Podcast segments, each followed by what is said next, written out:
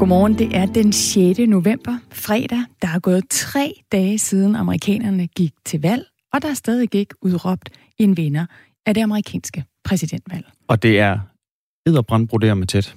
Altså i blandt andet Georgia, der er det 1800 stemmer, der skiller Joe Biden og Donald Trump. Det kommer vi til at tale meget mere om, men vi skal også selvfølgelig følge udviklingen her i Danmark. Der er tale om en reel nedlukning af Nordjylland. Ja, det må man i den grad sige. Øhm, og når Mette Frederiksen hun siger Nordjylland, så taler hun altså om øh, Jørgen, Frederikshavn, Brønderslev, Jammerbugt, Vesthimmerland, Tisted og Læsø. Man skal nemlig undgå at krydse kommunegrænser for at inddæmme coronasmitten fra mink, og det betyder, at man kraftigt opfordres til hverken at rejse ind eller ud af Nordjylland. Elever i 5. til 8. klasse i de nordjyske kommuner, de skal fra på mandag have fjernundervisning, for det er nemlig især blandt de 10-14-årige, øh, at man finder smitte med corona. Og derfor så får 0. til 4. klasse altså stadig lov til at møde i skole sammen med 9. klasserne. Arbejdsgiver bliver opfordret til at sende alle ansatte, som ikke varetager kritiske funktioner hjem. Det gælder både offentlige og private arbejdspladser. Kritiske funktioner, det vil sige folk, som er ansat i sundhedssektoren eller i ældreplejen. Og derudover så bliver alt kollektiv trafik lukket ned. Det gælder busser, tog, færger, også tog, som altså kører igennem Nordjylland. Der er blandt andet nogle intercity lyntog og så videre, som kører igennem Nordjylland. De bliver altså også påvirket. Øh, men der kommer altså fortsat til at være en smule offentlig transport, som altså skal sikre, at dem, som varetager kritiske funktioner, altså folk i ældreplejen, sygeplejerske, læger osv., at de fortsat kan komme på arbejde. Og så fra på lørdag, der skal restauranter og bar, de skal lukke for alt andet end takeaway. Og alt det her, det sker, fordi Statens Serum Institut har konstateret, at en mutation af coronaviruset har spredt sig fra mink til mennesker. Og grund til, at det sker lige nu, det er faktisk fordi, at øh, man netop har fundet ud af, at en kommende vaccine mod coronavirus altså ikke virker særlig godt på den her muterede udgave. Det indebærer en risiko for, at en kommende vaccine måske ikke kommer til at virke, som den skal. Det er selvsagt meget alvorligt. Alle borgere i de her syv nordiske kommuner, de bliver altså opfordret til at lade sig teste for coronavirus. Den 11. marts var en skæbnestund i kampen mod corona i Danmark. Øh, den dag der traf vi en svær, men nødvendig beslutning, som vendte op og ned på alles hverdag i Danmark. For jer i Nordjylland, der vil dagen i dag, 5. november, blive en mindst lige så skældsættende dato. Og historien om den her muterede minkudgave af coronavirus, den har altså allerede fået øh, hele verdens opmærksomhed. Der har været historier om det i The Guardian, i russisk statstv, i amerikanske medier, CNN, BBC osv. Øh, og Storbritannien, de har altså allerede med omgående virkning indført karantænekrav for indrejsende fra Danmark. Så hvis du rejser til, til Storbritannien fra, øh, fra klokken 5 i morges, faktisk, så skal du 14 dage i karantæne. Det viser noget om, hvor alvorligt det her er, fordi der er jo en anden historie, som resten af verden ellers også sidder og følger med i, og det er det amerikanske valg. Og der tæller de simpelthen stadigvæk øh, stemmesedler op her, tre dage efter, at øh, amerikanerne gik til valg. Og imens der tælles op, og der ikke er udråbt øh, en vinder i, i afgørende delstater, så beskylder Donald Trump demokraterne og Joe Biden for at have stjålet valgsejren fra ham i øh, en lang række udokumenterede påstande. And we think we will win the election very easily. We think there's going to be a lot of litigation because we have so much evidence, so much proof, and it's going to end up perhaps at the highest court in the land. We'll see. But we think there'll be a lot of litigation because we can't have an election stolen like, like this. Vi kan ikke have et valg stjålet på den her måde, siger Donald Trump altså, imens så opfordrer den demokratiske kandidat Joe Biden til tålmodighed. We continue to feel, Senator and I, we continue to feel very good about where things stand. We have no doubt that when the count is finished, Senator Harris and I will be declared the winners. So I ask everyone to stay calm. All the people to stay calm. The process is working. The count is being completed. Så status er altså, at vi har to mænd, der begge siger, at de kommer til at vinde valget. Og en præsident, der nu påstår, at valget bliver stjålet fra ham. Og vi kan jo lige stille om til Mads Anneberg. Godmorgen, Mads Anneberg. Godmorgen. Vores øh, rapporter, der har fulgt valget i USA de seneste par uger.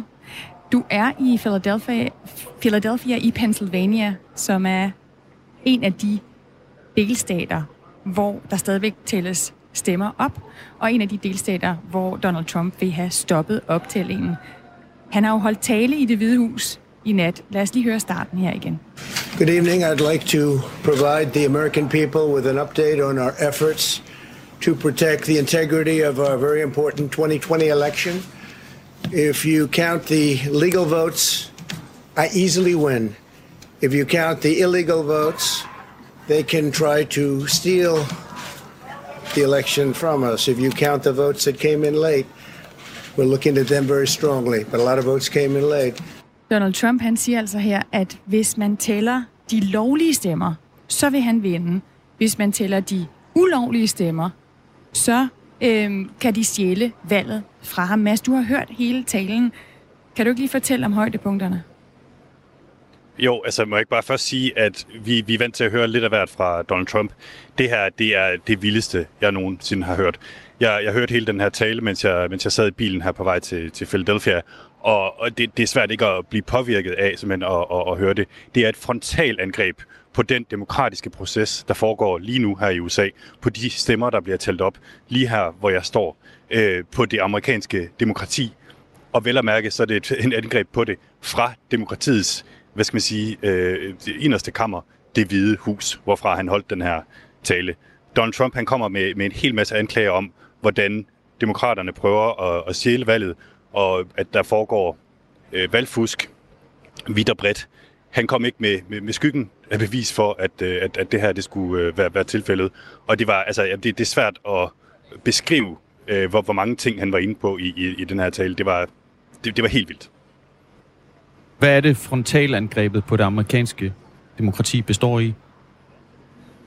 Man kan sige, det det, som Donald Trump han er, er inde på i den her tale, hvis man skal kode det ned, øh, det er jo, altså for det første så siger han det her, som vi lige hørte i klippet med, at han, han har, lægger sådan en skilning mellem de legale stemmer og de illegale stemmer. Og i, i hans øh, verden, der er det øh, altså et valg, som han har vundet, hvis man kun kigger på de, øh, på de rigtige stemmer, på de legale stemmer.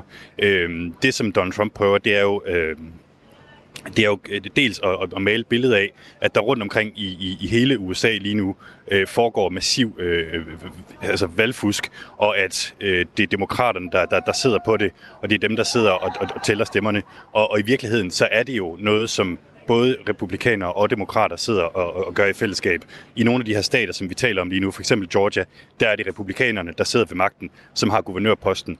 Og, og, og, og hele den her, hvad skal man sige, det her billede, som han prøver at male af, at, at det er demokraterne, der, der lige nu alene sidder og, og, og tæller de sidste afgørende stemmer, det er simpelthen decideret forkert.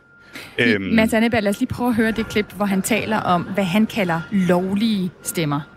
They talk about votes, and I think they should use the word legal, legal votes. We want every legal vote counted, and I want every legal vote counted. We want openness and transparency, no secret count rooms, no mystery ballots, no illegal votes being cast after election day.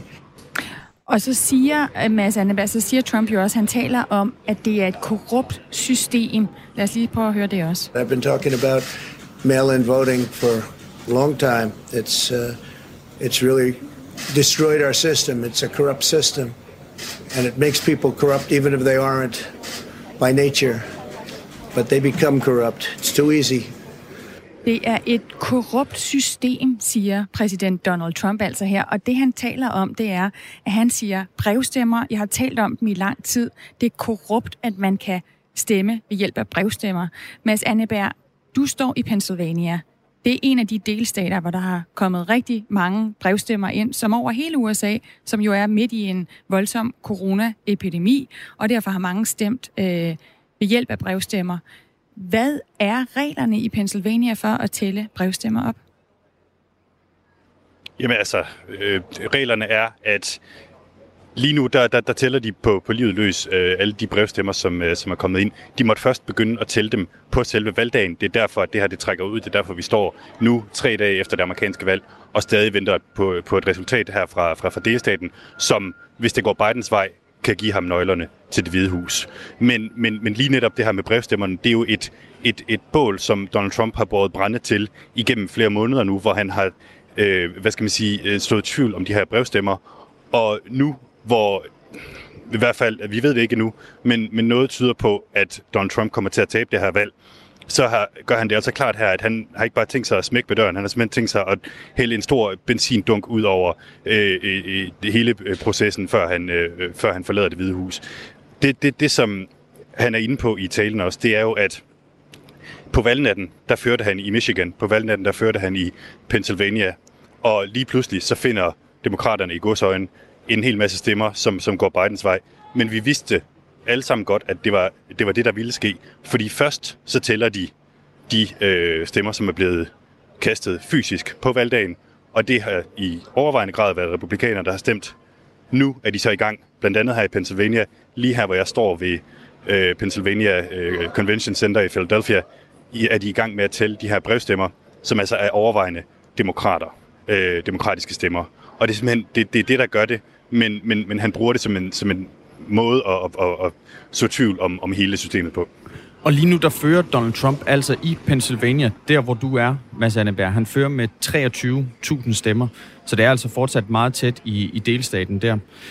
En ting, der har undret mig i hele det forløb her, det er, at øh, vi nu på tredje dagen ser, at de øh, valgtilforordnede stadig sidder og tæller stemmer. Jeg kan simpelthen ikke forstå, hvordan det kan tage så lang tid. Nej, altså det, som jeg var inde på før, så, så handler det jo om, at øh, øh, dels at øh, for eksempel i Pennsylvania, så må de første gå i gang med at tælle stemmerne på, på selve valgdagen, selvom langt de fleste af dem kom ind inden da.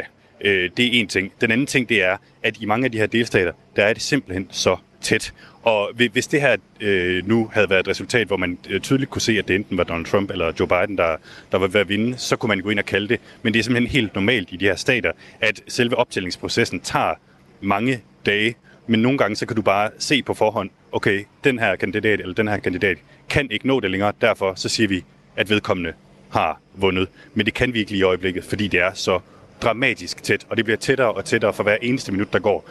Vi, vi står her og venter på, at, øh, at der kommer flere resultater ud fra, fra, fra Pennsylvania. Det er altså en stat, hvor Donald Trump på valgnatten førte med mere end en halv million stemmer. Lige nu, som du siger, der fører han med 23.000 stemmer. Og igen, de stemmer, de er ved at tælle op lige nu, det er brevstemmer. Og hvis Joe Biden vinder en bestemt del af de stemmer, så vinder han staten Pennsylvania. Og Mads, du står simpelthen et sted, hvor du kan, altså lige uden for der, hvor de står og tæller, og tæller nogle af de her stemmer op stadigvæk, øh, er der personer, der følger med, og hvad, hvad siger folk, altså, hvad siger amerikanerne til den her proces lige nu? Jamen, altså, jeg kan bare lige kort beskrive. Jeg, jeg, jeg står i øh, midten af Philadelphia, hvor at der er sådan et kæmpestort optællingssted, hvor altså, hele verdens øjne er simpelthen rettet mod det her sted lige nu. Der har været, øh, altså, vi, vi har ventet på et resultat i lang tid, og det kan være lige her, at det simpelthen bliver øh, bliver klart, hvem det er, der har vundet det her valg. Og jeg står her med to, som er, er med frem. Der har været gang i gaden her i, i, i dag. Altså, der har været masser af øh, mennesker ude. Både Trump-supportere, som har øh, kaldt på, at man skulle stoppe optællingen, og Biden-tilhængere, øh, som har kaldt på, at man ligesom skulle fortsætte med at tælle, ligesom man plejer. Øh, der er tyndet lidt ud i, i, øh, i mængden nu, men jeg står her sammen med, sammen med to af dem. Could I just quickly have your names? Um, I'm Hannah. Gretchen. And I just want to ask you one thing. Like, why are you out here tonight? So I am ready for a change, and here we are in Philadelphia, where it's supposed to be the biggest change ever. And I just want to be here for history and be able to tell everyone that I was here and see it for myself because I've been ready for change since 2016. so um, I'm here to witness uh, people loving America again. I just think it's time to band together and become Americans, and I think it's been four years overdue. I'm finally proud of America again. Det her det er altså øh, to Biden-tilhængere, som står med et øh, stort skilt, hvor der står Count Every Vote. Og de står her, fordi de øh, tror, at det måske er i aften, at deres drøm går i opfyldelse, nemlig at øh, Joe Biden bliver erklæret som, som vinderen af det her valg. Donald Trump, øh, uh, President Trump, has uh, claimed that there is widespread voter fraud here in Pennsylvania, right here in Philadelphia. How do you know that that's not the case?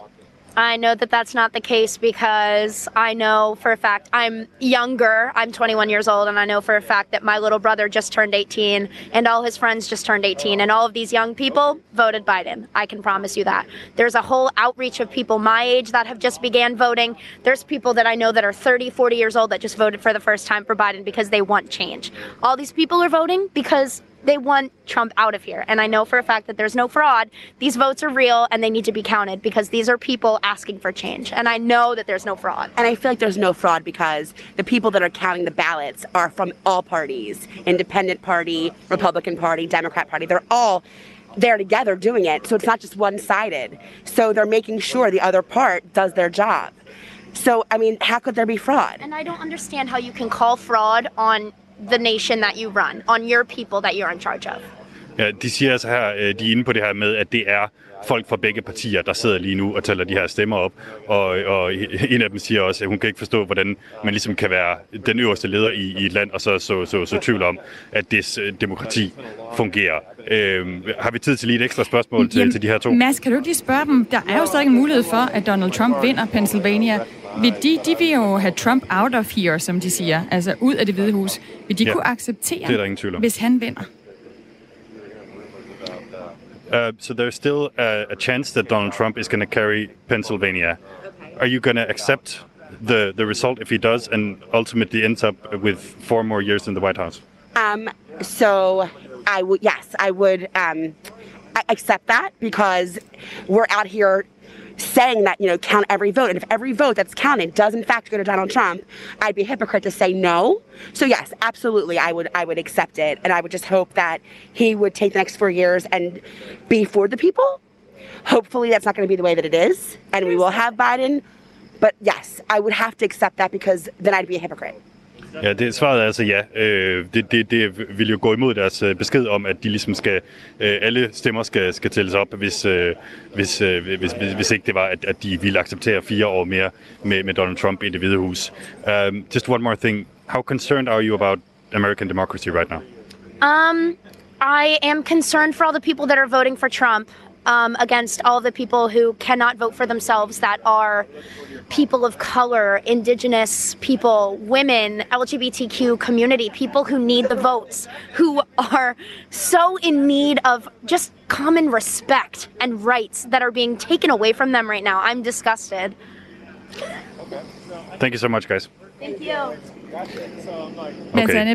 Det var altså to Biden-tilhængere her i Philadelphia, øh, Pennsylvania.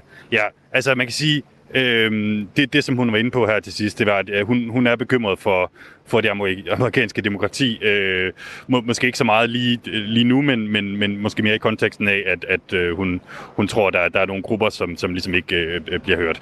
Faktum er i hvert fald, at dem, der står herude, og dem, der har stået herude i løbet af dagen, det er folk, som vil have, at det her det går ordentligt til. Mads Anneberg med for Philadelphia i Pennsylvania. Vi vender tilbage til dig lidt over syv. Øh, det er en meget vigtig stat, og der sker udvikling hele tiden. Tak for at være med. Selv tak. Og så til den helt store indlandshistorie, som øh, vi kommer til løbende at vende tilbage til her på Radio 4 morgen. Nordjylland lukker ned. Og det gør de, fordi at 12 personer, heraf 11 af dem i Nordjylland, har været smittet med et muteret minkudgave af coronavirus. Det betyder, at restauranter, værtshuse, kulturinstitutioner lukker ned. Det betyder, at øh, en del folkeskoleelever skal have fjernundervisning. Og, og nordjyderne i de her syv kommuner, som er berørte, de opfordres altså kraftigt til ikke at krydse kommunegrænserne. En af de syv kommuner, som, er, som lukker ned, det er Læsø, som i forvejen ligger isoleret midt i Kattegat. Og nu bliver øen altså endnu mere isoleret. Carsten Nielsen, godmorgen. Godmorgen. Du er borgmester for Læsø for Dansk ja, Folkeparti. Det er Ja. Hvilke problemer giver det jer, at øh, det nu kun i et meget, meget begrænset omfang kan, kan lade sig gøre at komme til og fra øen? Ja, det vil jo i nogle situationer give os øh, store problemer. Øh, nu er det sådan, at øh, øh det, det, der stadigvæk vil fungere under måske med en nødsejlplan, det, det er egentlig vores færgeforbindelse. Der, der sker ikke noget med, med salasen der. Øh, det vil sige varer og, og dem, der skal over øh, uopsættelige ting og sager, de kan stadigvæk øh, komme fra til Læsø. Men, men det er klart, at, at vi på en eller anden måde lukker lidt ned, når nu man øh, øh accepterer læsøboerne til at blive hjemme, og øh, man øh, opfordrer øh, egentlig øh, eventuelle gæster der, og folk, der vil gerne vil læse om at blive væk. Så, så, så der bliver jo lidt stille herovre på Læsø øh, i en periode, som forhåbentlig ikke var ret lang tid. Øh, altså, vi har en, en, et håb om, at, at det her tiltag vil ligesom vil let på, på smittesituationen øh, generelt i, i Danmark. Ja, det var, jo, det var jo i hvert fald fire uger. Ja, så u, u, som udgangspunkt, og, øh, men det, det vi hørte fra myndighederne fra Kåre Mølbak i går, det var jo at sige, jamen når den sidste mink er aflivet og destrueret, jamen så går det relativt hurtigt, inden man kan, når, øh, før, så, så går det ikke ret lang tid, inden man kan lette de her restriktioner, som, som vi har påbudt. Men øh, jeg ved godt, at regeringen melder fire uger uge øh, forløbig. Kommer det her til at, at have konsekvenser for, for for eksempel kvaliteten af pleje, som I kan levere til de ældre på, på plejehjemmene? Det kan jeg sige, det, det gør det overhovedet ikke. Øh, det, der sker, øh, og som også er sket for, for beboerne på plejehjem, det er øh, i, i starten af nedlukningsperioden med corona, det var jo, at man lagde en ring rundt om dem, og for ligesom at beskytte dem, for at undgå, at der kom smitte ind. Men øh, i, i den periode siden øh, marts måned og indtil nu, der har, der har de fået en, en, øh, en, den sædvanlige gode pleje, som, som vores personale giver dem.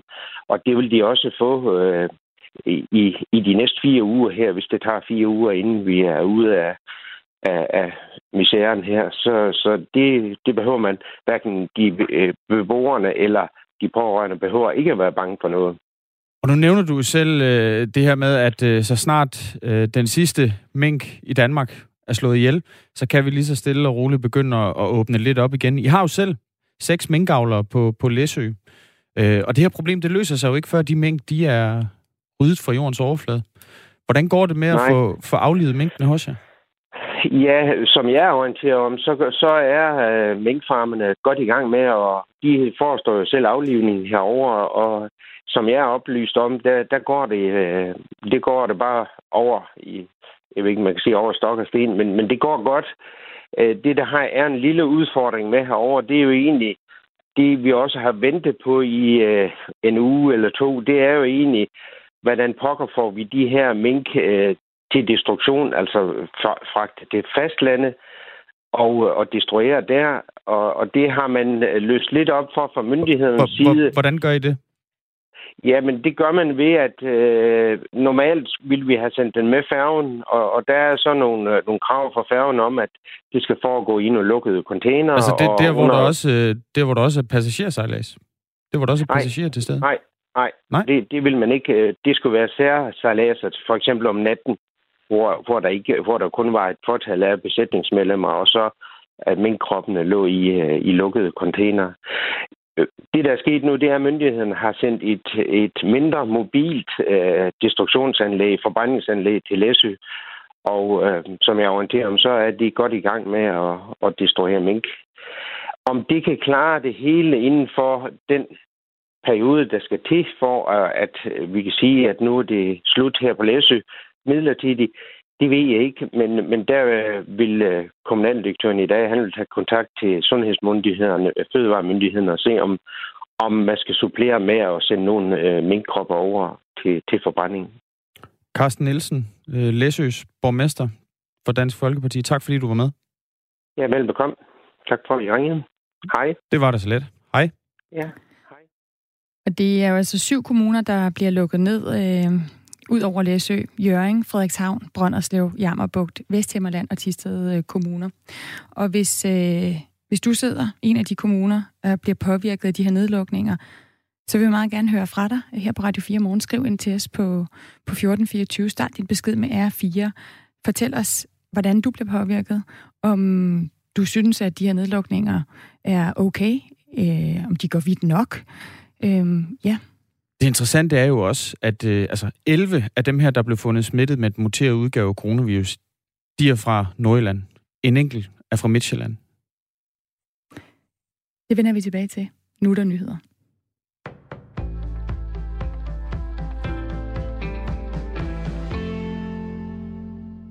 Donald Trump og hans modstander ved præsidentvalget Joe Biden ligger næsten side om side i svingstaten Georgia. Det viser tal fra nyhedsbruget AP, hvis prognoser om præsidentvalget af mange medier anses som de mest pålidelige. Præsident Donald Trumps føring i Georgia er skrumpet til et forspring på mindre end 1800 stemmer. Det betyder, at begge kandidater står til 49,4 procent af stemmerne i Georgia, og der er dermed tale om stort set dødt løb. Det tætte løb i Georgia får det amerikanske medie NPR til at konkludere, at medierne ikke kommer til at kunne udnævne en vinder i delstaten. NPR skriver, at Georgia officielt vil bekræfte valgresultatet 20. november. Ifølge NPR mangler der stadig at blive talt tusindvis af stemmer i staten. De fleste af dem i demokratiske områder, skriver mediet. Det kan betyde, at Biden kan hale endnu mere ind på Trump eller overhale ham. Ifølge AP's prognoser er Joe Biden snublende tæt på at vinde valget, da han står til at sikre sig til sammen 264 valgmænd. For at blive præsident skal en kandidat vinde 270. Donald Trump står ifølge AP's prognoser til 214. Der bliver foruden Georgia talt stemmer op i svingstaterne Nevada, Pennsylvania og North Carolina.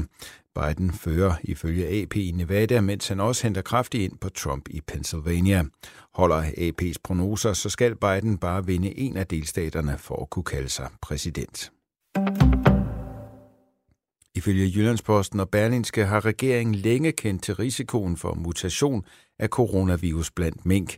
Set i det lys mener flere af regeringens støttepartier og en professor, at der gik for lang tid, før der blev taget en beslutning om at aflive alle mink. En af flere advarsler blev sendt til Fødevarestyrelsen, der hører under Miljø- og Fødevareministeriet 18. september. Bag advarslen var forskere fra Københavns Universitet og Statens Serum Institut. Jyllandsposten skriver, at Fødevarestyrelsen fik besked om, at den fortsatte mutation af virus i mink udgør en potentiel fare for folkesundheden og for de forventede effekter af en vaccine, fordi man kunne se, at mutationen skete omkring et protein, som er afgørende for vacciner. På trods af den og andre advarsler skulle der gå ind til onsdag i denne uge, før regeringen tog en beslutning om at aflive alle mink i Danmark.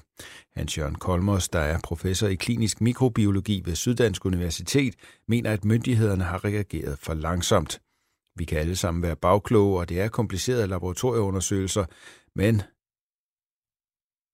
man har i princippet længe vidst, at en variant af virus var spredt og formentlig er i cirkulation flere andre steder. Derfor er man sent ude med en inddæmningsstrategi, og man kan undre sig over, at det har taget så lang tid, siger Hans Jørgen Kolmos til Jyllandsposten. Enhedslisten vil indkalde til samråd, hvor regeringen skal forklare sig. Storbritannien indfører med omgående virkning 14 dages karantænekrav for indrejsende fra Danmark. Det skyldes det omfattende smitteudbrud på danske minkfarme. Det oplyser den britiske transportminister i en meddelelse natten til i dag. Beslutningen er taget som en forebyggende sikkerhedsforanstaltning på grund af den seneste tids udvikling i Danmark, hedder det. Dagen starter de fleste steder skyde, men efterhånden klarer det op med nogen sol. Temperaturer op mellem 12 og 14 grader og svag til frisk vestlig vind i Nordjylland op til hård vind. I aften tørt og til dels klart vejr, men i nat efterhånden skyde eller stedvis tåget. Temperaturer ned mellem 6 og 10 grader og svag til jævn vestlig, drejende syd-sydvestlig vind ved nordjyske kyster op til frisk vind. Det var nyhederne på Radio 4. Mit navn er Thomas Sand.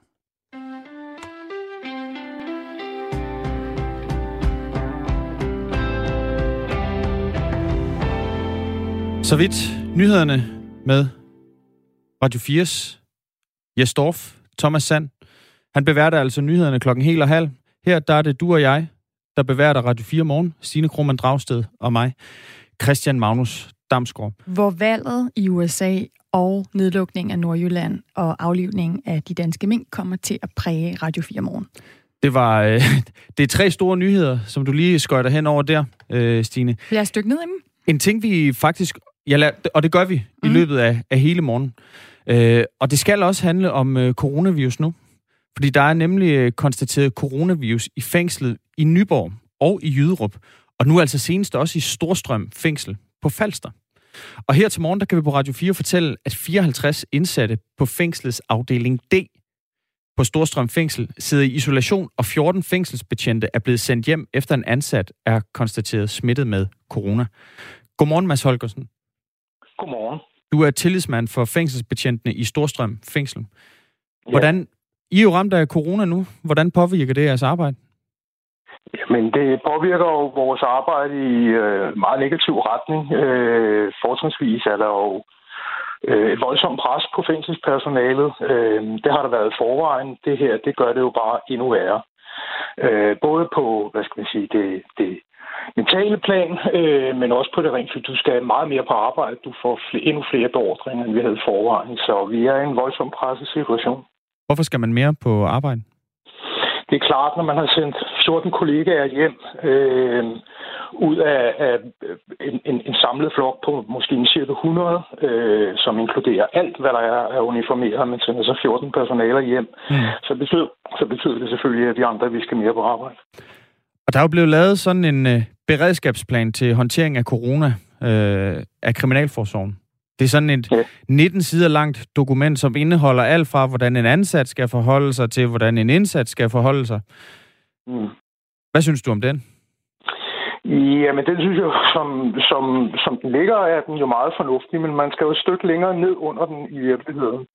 Øh, fordi den mangler øh, alt det, der behøves i dagligdag. Man kan sige, at der er to ting, som gør sig gældende i det her. Det ene er, når vi er så øh, presset på kollegaer i forvejen, og vi så ved siden af får en sort svane flyvende ind, som coronaen er, mm. så betyder det nede på vores øh, på gulvniveauet, at vi har et behov for at kunne beskytte os. Øh, både for vores egen skyld, men, men absolut også for driftens skyld af, af fængslerne. Øh, og det tager beredskabsplanen ikke helt højde for. Hvad, er det for noget information, du mangler? Jamen, øh, jeg mangler sådan noget som øh, øh, omkring rengøring øh, i fængslet. Øh, sådan specificeret noget mere ud om, hvad foretages af kriminalforsorgen. Hvad skal de indsatte selv gøre rent? Hvad skal jeg så sørge for at holde rent? Det kan være alle de personlige værnemidler, jeg har, som går imellem hænderne på rigtig mange kollegaer i løbet af en dag. Øh, de ting, dem er der simpelthen ikke taget højde for øh, som, som, som, som udgangspunkt. Øh, man kan sige, at der er lidt en, en, en omvendt øh, bevisbyrde i det her. Vi skal først bruge værnemidler det øjeblik, der er konstateret en smitte, hvor man for eksempel ude i ældreplejen, der kunne man ikke finde på at gå ind og have tæt kontakt med en borger øh, uden værnemidler. Det skal vi have i kriminalforsorgen. Og grunden til, at vi taler med dig, øh, Mads Holgersen, det er jo fordi, at øh, lørdag, der blev en ansat i Storstrøm Fængsel konstateret smittet med corona, mm-hmm. øh, og gjorde så jer opmærksom på det. Mm-hmm. Øhm, og vedkommende, som altså blev smittet her, havde altså været på arbejde både torsdag og fredag forinden. Ja. Øhm, mm. Og mandag, der blev alle de 54 indsatte på afdeling D altså så sat i isolation i deres celler. Øh, ja. Og 14 af dine kolleger, de blev hjemsendt, og de venter nu på svar på, på deres coronatest. Har I fået svar? Ja. Øh, de, de, de har selvfølgelig fået svar på den første test. Øh, den sidste test, alt efter hvornår de har kunne få tid til det her, den øh, tænker jeg ligger her omkring weekenden. Øh, og så har vi et svar på, hvem der eventuelt måtte være syge, og, og hvem der eventuelt ikke måtte være syge. Var der nogen øh, positive iblandt? Ikke, ikke hvad jeg ved af på nuværende tidspunkt. Okay. Hvis et, øh, hvis et større coronaudbrud, det rammer Storstrøm Fængsel, altså det kunne være nogle af dem, som, øh, som blev hjemsendt her, altså testet positiv, øh, ja. eller endnu flere fængselsbetjente, øh, særligt hvis, øh, hvis det er dem, der bliver syge med, med corona. Hvad kommer det så ja. til at betyde for jer? Ja, men øh, hvis vi skal sende endnu flere hjem, ja, så ved jeg faktisk ikke rigtig, hvad man vil gøre. Øh, så må man måske indkalde øh, Tivoli Garden eller lukke fængslet ned, eller jeg, jeg ved simpelthen ikke, hvad man vil gøre, hvis vi sender endnu flere hjem. Altså, jeg har... Øh, I øjeblikket der er det jo sådan, at vi indstationerer øh, fra hele området til Storstrøm Fængsel, og man har også mulighed for at tage ud og tage vagter andre steder på grund af den voldsomme personalmangel, vi har. Så hvad man vil gøre i, i den forbindelse, det ved jeg simpelthen ikke, men så kan man jo, så må man jo lukke området i Sjælland. Øh, sætte herren ind, øh, jeg, jeg, jeg ved simpelthen ikke, hvad man har tænkt sig at gøre for kriminalforsorgen til. Tivoli Garden eller herren? Er det jeres øh, backup-plan? Uh, øh, ja, jeg har ikke nogen øh, backup-plan på, hvad man gøre, hvis det her virkelig får lov at, at, at udvikle sig i kriminalforsorgen. Hvad, hvad er du mest nervøs for sker lige nu, Mads Holgersen, ja, altså tillidsmand på Storstrøm, i Storstrøm. Fængsel? Altså, jeg er selvfølgelig mest øh, nervøs for, at øh, vi kommer til at se et, et, et, et rigtig stort udbrud, øh, hvor rigtig mange kommer til at gå hjem. Øh, smitte, smitte derhjemme. Øh, det, det, det, det, jeg, jeg, har, jeg har svært ved at overskue, hvad man vil, hvad man vil gøre i den situation. Den situation. Jeg, jeg har ikke noget svar på det, simpelthen, hvad man vil gøre. Og hvordan, øh, hvordan løser vi det her, Mads Holgersen? Hvem, hvem bør løse det problem, som I har lige nu? Jamen, det bør øh, politikere og arbejdsgiver selvfølgelig. Øh, det er deres ansvar at, at, at sikre, at kriminalforsorgen den kan fungere. Det er også deres ansvar at sikre et trygt og, og, og godt arbejdsmiljø for deres medarbejdere. Og der synes jeg ikke, at man er helt op på, på, på beatet. Øh, ja. Og hvordan gør de det, tænker du? Ja, først og fremmest så skal vi jo have noget mere personale. Øh, skal man have noget mere personale, som man har fejlet igennem... Men det har vi jo hørt i lang tid, Mads Holgersen, at, at fængselspersonalet er, der, de er underbemandet i fængslen, der mangler personale ja. osv. Ja. ja, ja, det har vi hørt rigtig lang tid, og derfor kan det også undre mig, at man ikke har, at man ikke har sat voldsomt hårdere ind på, på, på den front, netop for at kunne stå imod pres, som en sort svane, eller coronaen kommer væltende ind med. Vi har været udtømmet i, i overvis. Man har skrællet appelsinen ud indenfra, og på ydersiden ser den jo stadigvæk køn ud. Men det øjeblik, der sker sådan noget som det her, så falder det hele sammen. Mads Holgersen, tak for det. Ja, selv tak. Altså tillidsmand i, i Storstrøm Fængsel, der altså lige nu er ramt af corona, hvor 14 fængselsbetjente er hjemsendt, og 54 indsatte er i isolation. Vi vil rigtig gerne tale med dem, der er ansvarlige for den beredskabsplan, som fængslerne lige nu skal, skal følge, altså Kriminalforsorgen. Vi har prøvet flere gange i går at få fat på Kriminalforsorgen. Det har ikke været muligt at få dem til at stille op til et interview her i Radio 4 morgen, men øh, vi bliver ved med at prøve. Og så sidder jeg lige nu og kigger på optællingen fra USA. I Georgia fører Trump med 1800 stemmer. I Nevada fører Biden med 11.000 stemmer. I Pennsylvania fører Trump med 22.000 stemmer, og i Arizona fører Biden med 47.000 stemmer. Georgia er en af de delstater, hvor det racer den, altså det er simpelthen så lidt, der skiller de to præsidentkandidater lige nu. Vi stiller om til øh, Atlanta, altså hovedstaden i Georgia, lidt senere. Anne Alling, hun følger med. 98 procent er talt op i Georgia. Og vi havde i lang tid, også i går, da vi var på her, øh, Christian Magnus. Og i forgårs. Og i forgårs, så troede vi, nu kommer der et resultat for Georgia. Fordi hvis der kommer et resultat for Georgia med 16 valgmænd, så kan det skubbe Biden hen over de der magiske 270 valgmænd, man skal have for at vinde. Men nu var det altså tæt, så siger Georgia, at vi skal have talt alle stemmer op. Det var også det, vi hørte fra Mads Anneberg før. Når noget er meget tæt, så kan man ikke forudsige, hvem der vil vinde, så skal alt tælles. Og der er for eksempel 9.000 stemmesedler fra amerikanere, der bor i udlandet, militærfolk og andre, altså i delstaten Georgia, som stadigvæk skal tælles op. Det kan komme til at tage tid, det her. Og når, et godt bud må også være, at når de her stemmer er talt op, så kan de lige så godt gå i gang med at tælle dem igen, fordi det kommer til at kræve en omtælling, i hvert fald i Georgia, når det er så tæt. Nu er klokken 17 minutter i syv. Du lytter til Radio 4 morgen. Arla skal være CO2-neutrale i 2050. Og som et led i den proces, så har de nu fjernet skruelåg fra deres økologiske mælk. Det betyder, at hver gang der bliver solgt en Arla økomælk uden skruelåg, så bliver atmosfæren sparet for 10 gram CO2. Godmorgen, Anne Kjeldsen. Godmorgen. Som vi selvfølgelig siger godmorgen til, fordi du er kategoridirektør, som det så fint hedder, for Mælk hos Arla. Anne Kjeldsen, det her det kan jo lyde som en meget lille gevinst for klimaet. Hvorfor gør I det?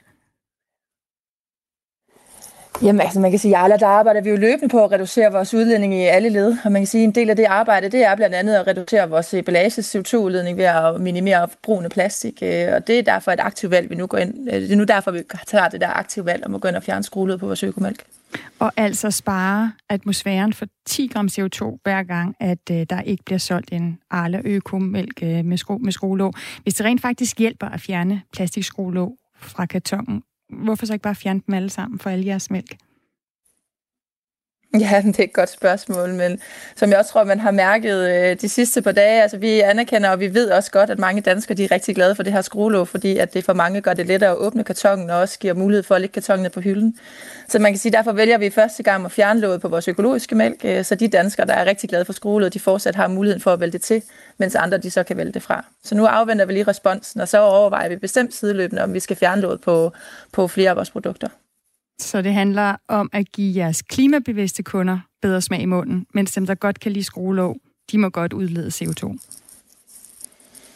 Det handler om, at vi giver forbrugerne et valg, så vi rammer det, forbrugerne også gerne vil. Men ja.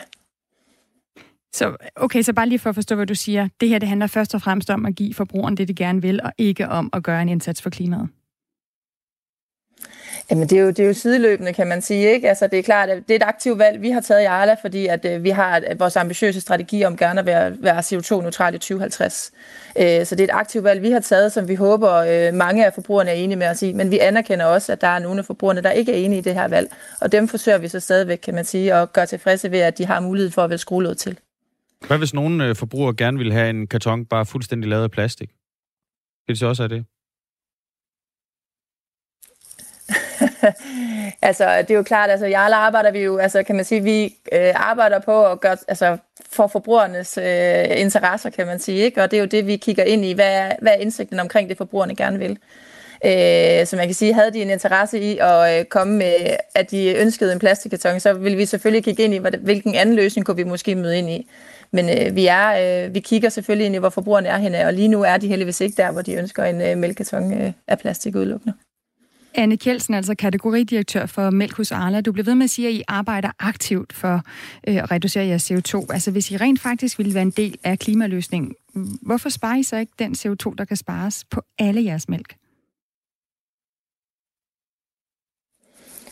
Altså man kan sige, altså lige nu der, der afventer vi responsen fra forbrugerne øh, på vores økologiske mælk, øh, og man kan sige, vi har jo været på den her rejse lang tid i Arla, så det er jo ikke kun øh, emballagen, kan man sige, vi arbejder på. Vi arbejder jo i alle led øh, i vores øh, værdikæde øh, for, for at minimere vores, øh, vores udledninger. Man kan sige, det er jo ude på gården, at vi har det helt store arbejde foran os, og der er vi også bestemt i gang. Altså vi har alle vores landmænd, der har tilmeldt øh, klimatjek, øh, som betyder, at vi kan tredoble den øh, reduktion øh, eller tredoble den reduktion, vi, vi kan få ud på gården. Øh, så vi arbejder løbende i alle leder kanter øh, hmm. på, på, på at reducere. Og nu er skruelåget en af delene, og så, øh, så afventer vi reaktionen herpå. Og hvis vi lige holder fokus på, på skruelåget, I sparer jo altså 740 tons CO2 om året ved at fjerne de her låg. Til sammenligning så udleder ja. hele Arlas øko-brand i alt 128 tons CO2. Altså det svarer til, til 0,5 procent, så det er sådan, I sparer noget, men det, man kan sige, det er jo ikke, øh, det er ikke så meget. Nu døber I så ligesom en tog øh, i vandet for at se, om, om jeres øh, klimabevidste kunder øh, godt vil være med til at leve uden, uden skruelåg. Hvad hvis de ikke vil det? Ja, som man kan sige, så, så har de jo i hvert fald mulighed for at købe en anden mælk, kan man sige, med, øh, med, med skruelåg på. Altså skruelåg er et af de mindre skridt, vi tager her nu, kan man sige, øh, fordi den har en, en mindre udvikling, eller øh, mindre, hvad kan man sige, øh, påvirkning på CO2'en end ellers. Øh. Men altså, nu giver vi ved forbrugerne en, en mulighed, og så er det spændende at se, øh, hvor de er henad øh, om et par måneder. Så I har ingen planer om at fjerne låne fra jeres helt almindelige mælk? Det, det hører du mig ikke sige. Du hører mig sige, at nu afventer vi lige responsen fra øh, forbrugerne, og så evaluerer vi sideløbende, om vi skal fjerne yderligere øh, med tiden. Hvornår tror I, I kan komme til at fjerne låne fra jeres almindelige mælk? Det synes jeg, du skal spørge forbrugerne om. Øh, så det, så det, det, kigger vi, det kigger vi ind i, når vi ser, hvordan folk de reagerer på, at vi har fjernet det på vores økologiske mælk. Mm. Anne Kjeldsen, lige et sidste spørgsmål. Kommer I til at sende pressemeddelelser ud, hver gang I reducerer jeres CO2-udledning med 0,5 procent? øh, vi kommer i hvert fald til at sende pressemeddelelse ud hver gang, at vi synes, at vi har taget, øh, taget endnu et valg i forhold til at nå vores øh, ambition om at blive CO2-neutrale i 2050. Og at reducere udledningen med 0,2 procent, det synes I er et, et vigtigt skridt? I den retning? Jeg tror på, Jarla, der tror vi på, at hver valg, vi tager, øh, de, de gør en forskel. Øh, og det her det er et aktivt valg, og det, det er et valg, der har stor påvirkning på forbrugerne. Så jeg synes faktisk, at det er, det, det er et vigtigt skridt øh, mod vores ambitioner om at blive CO2-neutrale i 2050. Anne Kjeldsen, kategoridirektør for Mælk hos Arla. Tak for at være med og fortælle om, om det, du altså kalder et vigtigt skridt, altså den her reducering af CO2-udledning med 0,5 procent, øh, fordi at økomælk nu ikke skal have skolelov længere. 10 minutter i syv er klokken. Du lytter til Radio 4 morgen. Stop the Steal. Det er altså navnet på en hurtigvoksende bevægelse, der i løbet af de seneste to døgn har spredt sig i USA på både internettet, på gaderne og i det hvide hus. For mens vi stadig venter på, de, de sidste stemmer bliver talt op, og hele verden venter på at finde en, en vinder i præsidentvalget, så lyder anklagen altså, at Joe Biden og demokraterne er i gang med at stjæle valget. Og i Detroit, Michigan, der har det ført til protester for anden aften i streg. Godmorgen Emil Jørgensen, eller god aften. Kan du høre mig, Emil? Ja, jeg kan høre, jeg du. kan sagtens høre dig. Og du er, du er med fra Detroit, Michigan. Du er altså USA-korrespondent for Avisen Danmark. Hvad sker der i Detroit lige nu? Jamen her til aften, der har vi ligesom onsdag aften set en relativt stor gruppe demonstranter foran TCF Kongresscenter i hjertet af downtown Detroit. Det er stedet, hvor brevstemmerne de blev talt op. Og i skæret fra politibilernes blå blink, der så vi forskellige mennesker med skilte og megafoner i, hvad der i virkeligheden var en ret forvirrende forestilling, fordi der var Trump-supportere med Stop the Steal-skilte og Stars and Stripes flag, og der var Black Lives Matter-demonstranter, som bremsede store firehjulstrækkere med Trump-supportere i, ved simpelthen at knæle på vejen foran dem og række en knytnæve i vejret. Og så var der en hel masse presse. Jeg kom sent til festlighederne, hvis vi kan kalde det det, fordi jeg først lige kørte ind i Detroit for få timer siden, men fra lokale medier og fra de få tilbageværende demonstranter kunne jeg forstå, at stemningen havde været ret intens, men heldigvis uden større sammenstød faktisk. Spørgsmålet er så nu bare, hvad kommer der til at ske? Fordi allerede i morgen tidlig, fredag klokken 9 lokal tid, hvad der svarer til eftermiddag hjemme i Danmark, der er der blevet indkaldt til en ny stor demonstration under Stop the Steal-bannerne, øh, og det er altså blevet delt mange, mange tusind gange på sociale medier. Og nu, øh, nu skal man selvfølgelig ikke lade sig forblinde af retweets og likes. Jeg har før kørt ni timer herover for at overvære en demonstration i Texas, som jeg troede skulle være et, et kæmpe tilløbsstykke, men som endte med at være en 10-15 teenager, der stod og råbte af en bygning. Men med alt det, der foregår omkring stemmeoptællinger, med alt det, der foregår i det hvide hus lige nu, så er det nok ikke usandsynligt, at vi ser et stort fremmøde.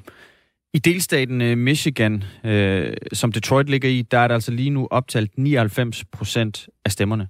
Og Joe Biden er erklæret vinder med, fem, med 50,5 procent af stemmerne mod Trumps 47,9. Og Michigan, det er altså den eneste stat, sammen med nabostaten Wisconsin, som er blevet vendt fra at have været republikansk ved, det, ved valget i 16, til nu igen at blive demokratisk. Øh, og der er intet, der indtil videre tyder på, at øh, der skulle være sket noget korrupt eller, eller fordækt. Hvad er det, de her demonstranter, de håber på at, at opnå, Emil Jørgensen? Nej, og der er, der er intet tidligere, der har vist, at ved eventuelle øh, genoptællinger af stemmerne, at man har kunne rykke så mange stemmer, som der skiller Biden og Trump lige nu. Men jeg, jeg fornemmer, at motiverne bag de her demonstrationer, det er sådan en blanding af desperation og indignation måske. De ser, de ser hvad de vidderligt mener er et statskup udspille sig for øjnene af dem. Altså Donald Trump er simpelthen ved at få 20 stjålet præsidentposten, mener de. Og blandt dem, jeg har talt med, og blandt dem, jeg har læst om på de sociale medier, så er der sådan en nærmest patriotisk opfattelse af, at hvis ikke de gør noget nu, så er toget for deres demokrati simpelthen kørt lige, lige om lidt. Der bliver pisket sådan en det er nu eller aldrig opfattelse op. Og så er der også et element af vrede, altså af harme over, at de mener, at konspirationen er så tyk, at beviserne er så mange, og at alle mainstream-medierne, de simpelthen er involveret i det her, uden at de stiller et eneste kritisk spørgsmål til, til stemmeoptællingen. Men, men I kan prøve at høre, jeg har faktisk optaget en lydbid her med en øh, demonstrant fra Detroit, som hedder Keith og øh, er dokumentarist, og han, han forklarer ligesom, hvad, hvad han håber på at opnå. So um, we can do is we can push put pressure on our legislature to not just uh, accept the, a narrative that Trump's lost. Like I think if you listen to a lot of the media today, they're kind of saying Biden's won or Biden's close to win, and we should all just kind of accept that. And I think, but that's we don't have to accept that because there's a number of states that have um, Democrat governors but Republican legislators, and they can choose to say, "Hey, look, we're not going to accept fraud. we're not going to accept ballots showing up in the middle of the night." And it happened in. I, I've heard about it happening in at least three. Ja, Keith her, han er altså ikke øh, fuld af begejstring for, for stemmeoptællingen. Nej, det er han ikke, og det, det er der også mange andre, der, der heller ikke er. Altså omfanget af det her er ikke overvældende nu. Jeg kan lige hurtigt øh, opsummere det, Keith han siger, det er jo, at øh, de vil prøve at lægge, de vil prøve at lægge pres på, at man ikke bare skal acceptere det narrativ, som, som de mener, medierne de kører med, øh, at, at Joe Biden han er vinderen, og det, det skal vi jo også lige sige, det er jo ikke bekræftet nu. Øh, der, der bliver stadigvæk øh, siddet og trykket på tal på den store lommeregner, både på CNN og på Fox News og på alle de andre amerikanske tv-stationer. Er sikker på, at I har fulgt med derhjemme også i, i et par dage nu. Men, øh, vi prøver på men det. der, er jo noget, der er noget, der tyder på, at, øh, at, at, at Biden han, han kommer tættere og tættere på, at han måske snart kunne blive annonceret som, som vinder, og det det mener Keith og, og mange af de andre her i Stop the Steal-protesterne jo er, er, er, er simpelthen øh, fusk. Hvis vi også skal kigge lidt indad, Emil, så påpeger de jo, at de her at mainstream-medierne, det er jo både dig og mig, at vi ikke stiller kritiske nok spørgsmål til den her stemmeoptælling. Hvad tænker du egentlig om det? Det er et godt spørgsmål. Altså, jeg, jeg, jeg, jeg tænker i hvert fald, måske det ikke er også danske mediers øh, opgave, at vi, at vi kan lave det dybdeborende journalistik om, hvad der er op og ned omkring de her stemmeoptællinger, men der er da helt klart et element af, at Joe Bidens kampagne i det hele taget har haft et, et lidt nemmere spil, end, øh, end Donald Trumps kampagne har haft af de amerikanske medier. Altså, jeg tror øh, ikke, at der kan være noget spørgsmål om, at, at der ikke er nogen præsident, der har fået så hård en medfart, som Donald Trump har. Og det er jo selvfølgelig fordi, at amerikanske medier også, i hvert fald dem, som sådan nogen som Keith vil kalde for mainstream-medierne, altså New York Times, CNN, Atlantic, de ser Donald Trump som en, en farlig mand. De har jo, altså New York Times har for nylig haft en stor leder, hvor de sagde, at han var den største trussel mod det amerikanske samfund siden, siden 2. verdenskrig. Og øh, derfor så har han jo fået en helt vildt kritisk øh, omgang i pressen, hvorimod Joe Biden, han, han er sluppet lidt billigere. Men der er ikke noget lige nu, der tyder på, at der er foregået noget, der ligner valgsvindel. Der er simpelthen ikke nogen beviser, og Donald Trump, som jo selv puster de her anklager frem, han har heller ikke fremlagt noget, der ligner et konkret bevis på, at der skulle have været foregået stemmefusk. Og for uden øh, Detroit, der er der altså også blevet arrangeret de her Stop the Steal-protester i en række andre byer. Hvilken reaktion forventer du, øh, at der kommer, når vi får et øh, resultat på, på præsidentvalget i USA?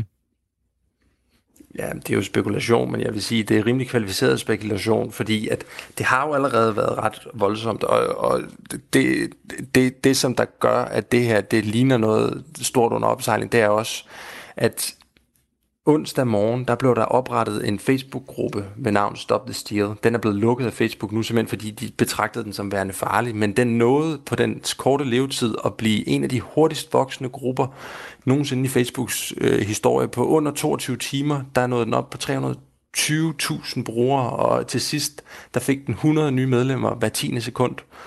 Og vi har set, at der i morgen, for uden i Detroit, hvor jeg er lige nu, er arrangeret de her Stop the Steals protester i både Arizona, i Wisconsin, i Pennsylvania, i Oklahoma, og vi har hørt, at der også har været protester andre steder, så øh, hvis der i løbet af den næste, måske i løbet af den næste øh, halve, i løbet af den næste halve døgn kommer en udmelding om, at Biden har vundet præsidentvalget, så altså, så gør det jo nok ikke øh, vredende de her demonstrationer mindre i morgen. Så ringer vi i hvert fald til dig igen, Emil Jørgensen. Det skal I være meget velkommen til. Altså korrespondent, USA-korrespondent for Avisen Danmark, som også følger valget her for os på, på Radio 4 morgen. Tak for at være med. Selv tak. Med fra Detroit i, uh, i Michigan. En, endnu en af de stater, som selvom den er afgjort, uh, der bliver holdt øje med, fordi at der simpelthen er så stor uenighed i USA lige nu blandt dem, der støtter Donald Trump, og dem, der støtter Joe Biden om, hvad virkeligheden overhovedet er. Det er jo det, der er sket blandt andet de sidste fire år i USA. Man har ret til sin egen virkelighed, og derfor så bliver der simpelthen stillet spørgsmålstegn ved, hvad der er fakta, og det sker i begge lejre. Men man kan sige, at et demokratisk samfund, som USA jo også er, så skal det jo også være okay at stille spørgsmålstegn ved de demokratiske institutioner, som for eksempel stemmeoptælling og sådan noget. Der er jo nogle helt legitime spørgsmål, som jeg også lidt sidder og tænker, altså, hvordan kan det tage tre døgn at tælle stemmer op? Det kan vi stille spørgsmålstegn ved. Lige nu der er det jo domstolene, der blandt andet afgør, hvor lang tid de har. I for eksempel Pennsylvania, hvor vi lige var, der har højesteret, som jo har et flertal af konservative dommere, sagt, I må godt tælle stemmer op de næste dage efter valget, helt til den 6. november. Nu er klokken syv, og der er nyheder med Thomas Sand.